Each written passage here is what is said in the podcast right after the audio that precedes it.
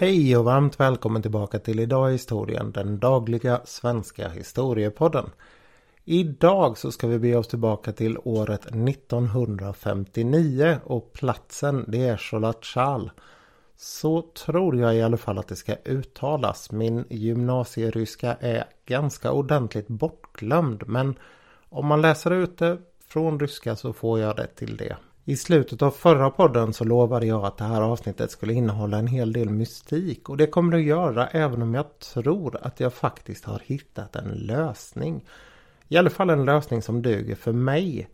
Men tillbaka till det här med mystik. Det hände någonting här uppe i Djatlovpasset som den här platsen också är känd för. För 60 år sedan. Och det har varit ett av de stora, stora mysterierna. Om man eh, läser i olika böcker och tittar på olika sidor så är det här fullt i klass med vem var eh, Jack the Ripper eller D.B. Cooper eller Kaspar Hauser? Och vart tog Lord Luken vägen? Eller vad var det egentligen som hände ombord på Mary Celeste? Och för att ta någonting som hände mer nyligen. Var är egentligen flygplanet MH370? Sådana här mysterier intresserar mig, inte bara för att de är historiska utan för att de irriterar min rationella sida. Som jag också har sagt tidigare, jag gillar inte sensationalistiska saker och jag gillar inte konstiga lösningar. Men det gör ju bara att det blir desto krångligare med mystiska händelser. Och som sagt, den här händelsen kanske är löst. Och det är väl hoppgivande att man ska kunna få lite ro om sådana här frågor i varje fall. Nog om mig, vi ska bege oss till norra Uralbergen. Och där är det en skidexpedition som har gått fullständigt åt pipan. Det har passerat lite drygt tre månader sedan eh, de som var med i den avled och eh, på den här dagen, 4 maj, så hittar man de sista fyra kropparna. Och de här kropparna de har mystiska skador och mystisk positionering precis som de kroppar man har hittat tidigare. Det här är Semyon Solotarjov, Alexander Kolevatov, Nikolaj Thibaut Brignol och Ljudmila Dubinina. Av de här fyra så är det endast Alexander som tycks ha frusit ihjäl. Semyon han har krossskador mot bröstet och saknar ögonen. Detsamma det gäller Ludmilla. Hon har dessutom ingen tunga. Nikolaj han har eh, en märklig krossskada i sitt huvud som inte heller går att förklara. Så den som hade hoppats att när man fann de här fyra sista kropparna så skulle man förstå vad det var som hade hänt personerna i den här lilla skidexpeditionen. De får ge upp hoppet i det här läget. Utredningen den står här bokstavligen och stampar och man kommer egentligen inte komma så mycket längre än så här. Det som har hänt på den här platsen så långt man kan se det är att de har någon gång under natten när de avled, vilket alltså är natten mellan den första och andra februari, skurit sig ut ur tältet och sen har de gjort en hel del saker runt tältet. Det ser man fotspår. Och man kan också från fotspåren lista ut att på samma sätt som de hittas så har de gått runt där utanför antingen barfota eller bara i strumpor. Någon har såna här filtstövlar på sig. Och sen har någonting fått dem att springa från tältet och ner för sluttningen som tältet står i bort mot en liten låg skog som ligger där. Ehm, det är ungefär någonstans mellan 1000 och 1500 meter dit. Och när de väl har kommit fram till den här skogen så har de försökt göra upp en eld och också försöka klättra upp i trädet och de grövsta som finns där. Och det finns avbrutna grenar en 4-5 meter upp på det trädet. De två första kropparna man hittar de ligger också här i skogskanten. Det är kropparna efter Juri Doroshenko och Georgi Krivonichenko.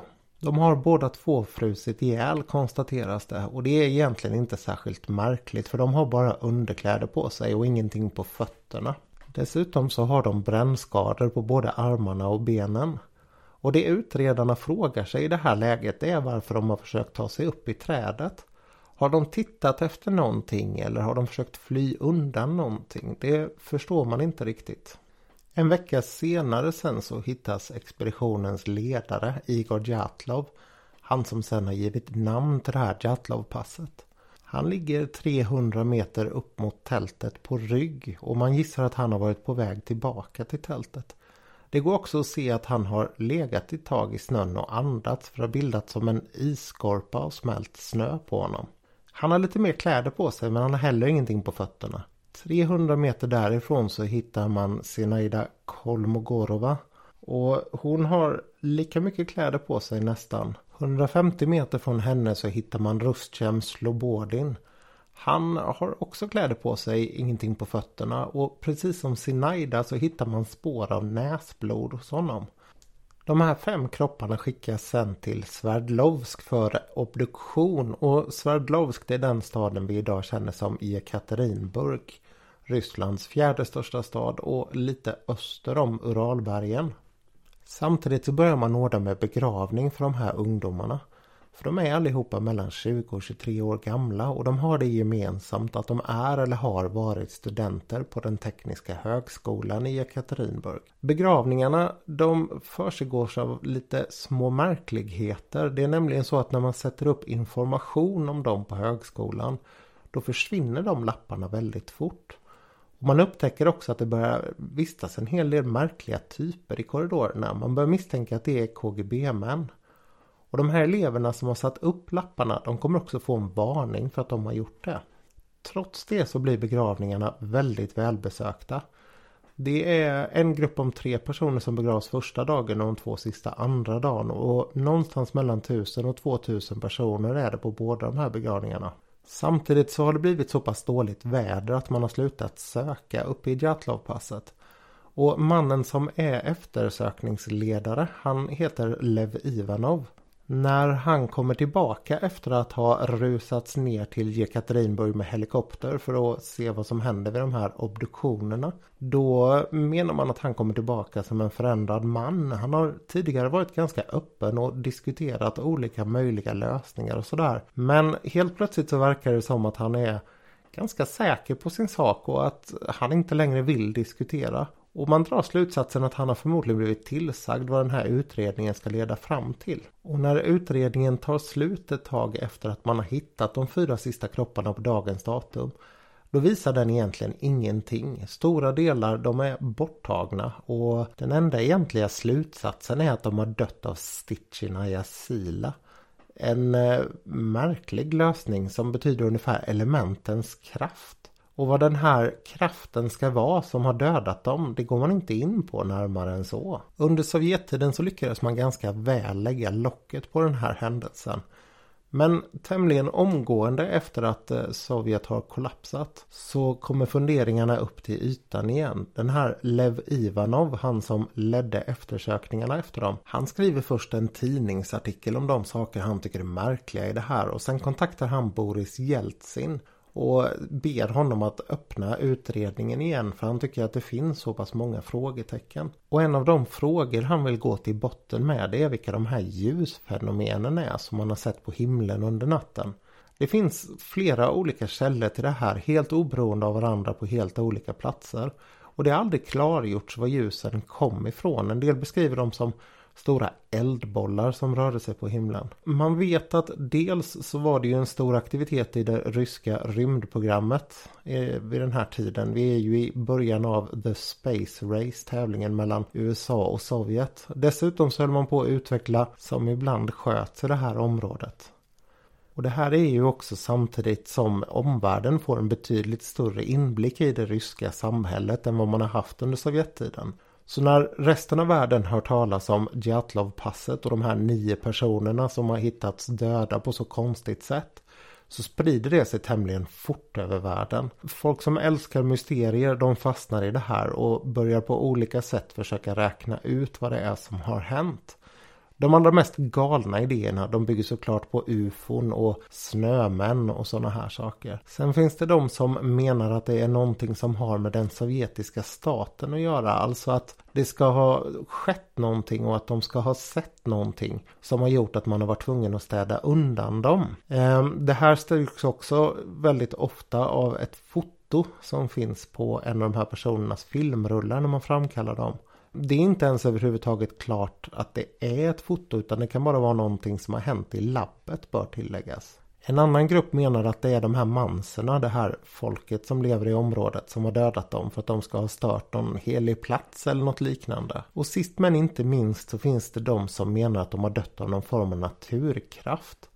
Eh, vanligtvis så tror man att det är en orkan eller en lavin eller att det möjligen har varit skare som på något sätt har släppt och rutschat ner och skadat dem. Men ingenting har som sagt kunnat bevisas. Så sent som i skiftet januari-februari förra året så berättades det från ryska myndigheters sida att man tänker återuppta den här undersökningen. Man är beredd att gå ganska långt. Man kan till och med tänka sig att gräva upp de här kropparna och göra ytterligare obduktioner på dem. Men man är bara intresserad av naturliga resultat menar man. Det är oklart om de som ledde den här utredningen visste vad som pågick uppe i Djatlovpasset precis samtidigt som det här offentliggjordes. Det är nämligen väldigt intressant och särskilt så om man är svensk. För där befann sig Rickard Holmgren och Andreas Liljegren tillsammans med två stycken guider ifrån eh, Jekaterinburg. Deras plan var att följa i skidspåren av Djatlov-expeditionen och se vad de kunde komma fram till genom att besöka platsen. Rickard han är arkeolog och både han och Andreas har varit intresserade av Djatlov-expeditionen länge. Den här första expeditionen 1959, om vi bara ska ta en kort bakgrund till den.